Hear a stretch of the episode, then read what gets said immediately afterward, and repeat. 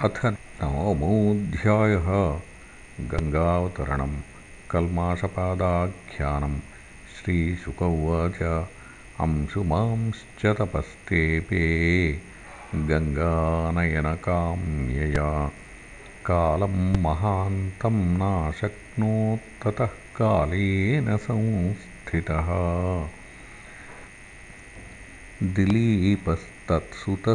दिलीपस्तत्सुतस्तद्वदशक्तः कालमेयिवान्। भगीरथस्तस्य पुत्रस्तेपे स सुमहत्तपः।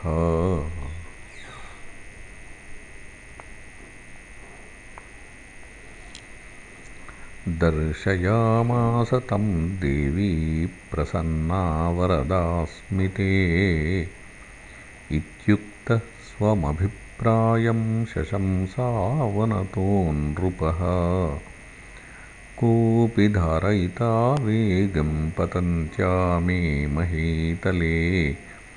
अन्यथा भूतलं भित्त्वा नृपयास्येरसातलम् किञ्चाहं न भुवं यास्ये नरा मय्यामृजन्त्यघम् मृजामि तदघं कुत्र राजंस्तत्र विचिन्त्यताम्।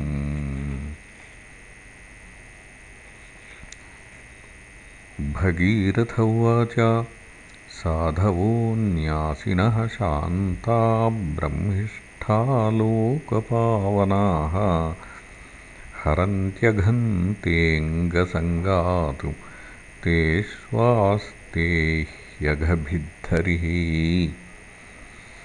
धारयिष्यति ते वेगं रुद्रस्त्वात्मा शरीरिणां।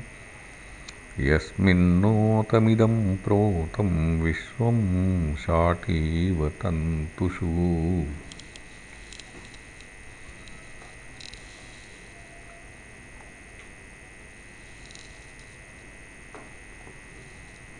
इत्युक्त्वा स नृपो देवं तपसातोषयच्छिवं। कालेनाल्पीयसा राजंस्तस्येषः समतुष्यत। तथेति राज्ञाभिहितं सर्वलोकहितः शिवः दधारावहितो गङ्गां पादपूतजलां हरेः भगीरथः स राजर्षिर्निन्ये भुवनपावनीं यत्र स्वपितॄणां देहा भस्मीभूताः श्मशेरते रथेन वायुवेगेन प्रयान्तमनुधावती देशान् पुनन्ती निर्दग्धानासिञ्चत्सगरात्मजान् यज्जलस्पर्शमात्रेण ब्रह्मदण्डहता अपि सगरात्मजादिवं जग्मुः केवलं देहभस्मभिः। भस्मीभूताङ्गसङ्गेन स्वर्याताः सगरात्मजाः। किं पुनः श्रद्धया देवीं ये सेवन्ते धृतव्रताः। न ह्येतत्परमाश्चर्यं स्वर्धुन्यायदिहोदितम्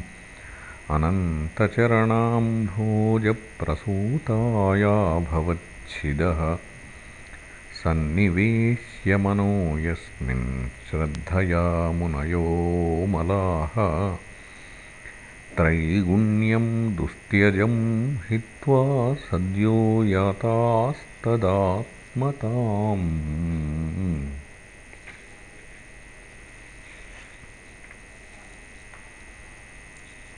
श्रुतो भगीरथाज्जज्ञे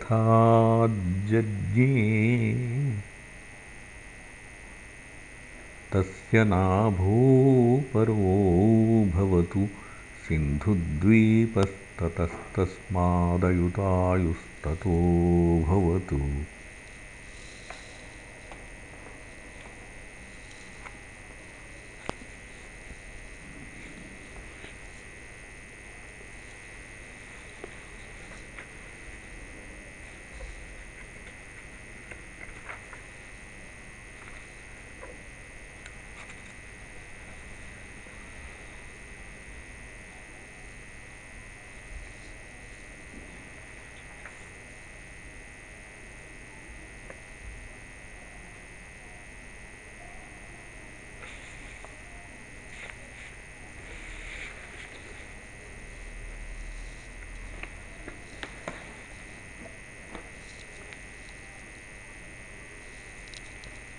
ऋतुपर्णो नलसखो योऽश्वविद्यामयान्नलात् दत्त्वाक्षहृदयं चास्मै सर्वकामस्तु तत्सुतः।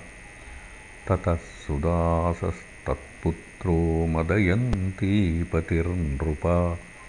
आहुर्मित्रसहं यं वै कल्माशाङ्घ्रिमुत क्वचित् वसिष्ठशापाद्रक्षोऽभूदनपत्यः स्वकर्मणा राजोवाच किं निमित्तो गुरोश्शापः सौदासस्य महात्मनः?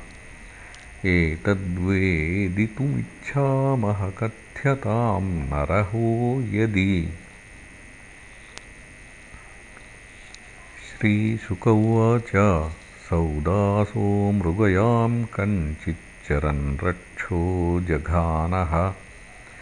मुमोच भ्रातरं सोऽथ गतः प्रतिचिकीर्षया स चिन्तयन्नघं राज्ञः सूदरूपधरो गृहे।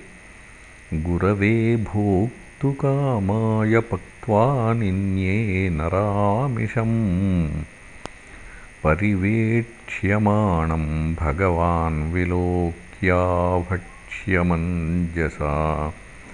राजानमशपत्क्रुद्धो रक्षो ह्येवं भविष्यसि।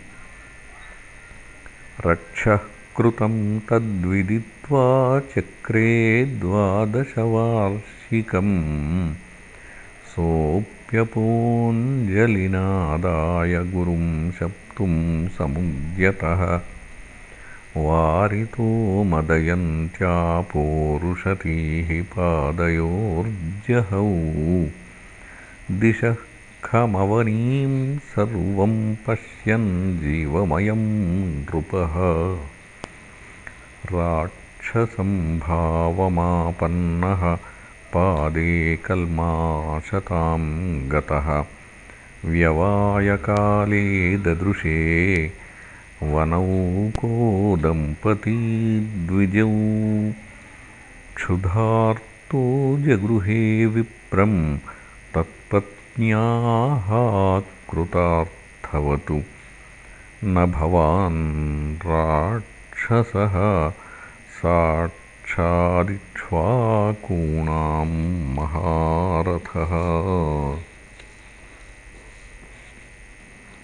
मदयन्त्याहपतिर्वीरनाधर्मं कर्तुमर्हसि। देहि मे पत्यकामाया कृतार्थं पतिं द्विजम्। देहोऽयं मानुषो राजन् पुरुषस्याखिलार्थदः तस्मादस्य वधो वीर सर्वार्थ वधौच्यते एष हि ब्राह्मणो विद्वांस्तपःशीलगुणान्वितः।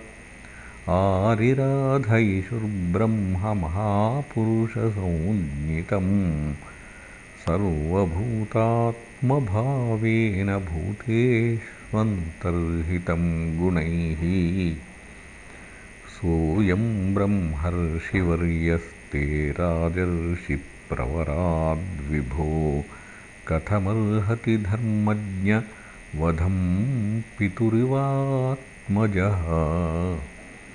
तस्य साधोरपापस्य भ्रूणस्य ब्रह्मवादिनः। कथं वधं यथा बभ्रोर्मन्यते सन्मतो भवान्। यद्ययं क्रियते भक्षस्तर्हि मां खादपूर्वतः। न जीविष्ये विना क्षणं च मृतकं यथा एवं करुणभाषिण्या विलपन्त्या अनाथवतु व्याघ्रः पशुमिवाखादतु सौदासः शापमोहितः ब्राह्मणी वीक्ष्य दिधिषुं पुरुषादेन भक्षितं शोचन्त्यात्मानमुर्वेशमशपत्कुपिता सती। यस्मान्मे भक्षितोपापकामार्तायाः पतिस्त्वया। तवापि मृत्युराधानादकुतप्रज्ञदर्शितः एवं मित्रसहं शप्त्वा पतिलोकपरायणा। तदस्थीनि समिद्धेऽग्नौ प्रास्य भर्तुर्गतिं गता। विशापो द्वादशाब्दान्ते मैथुनाय समुद्यतः विज्ञाय ब्राह्मणीशापं महिष्या स निवारितः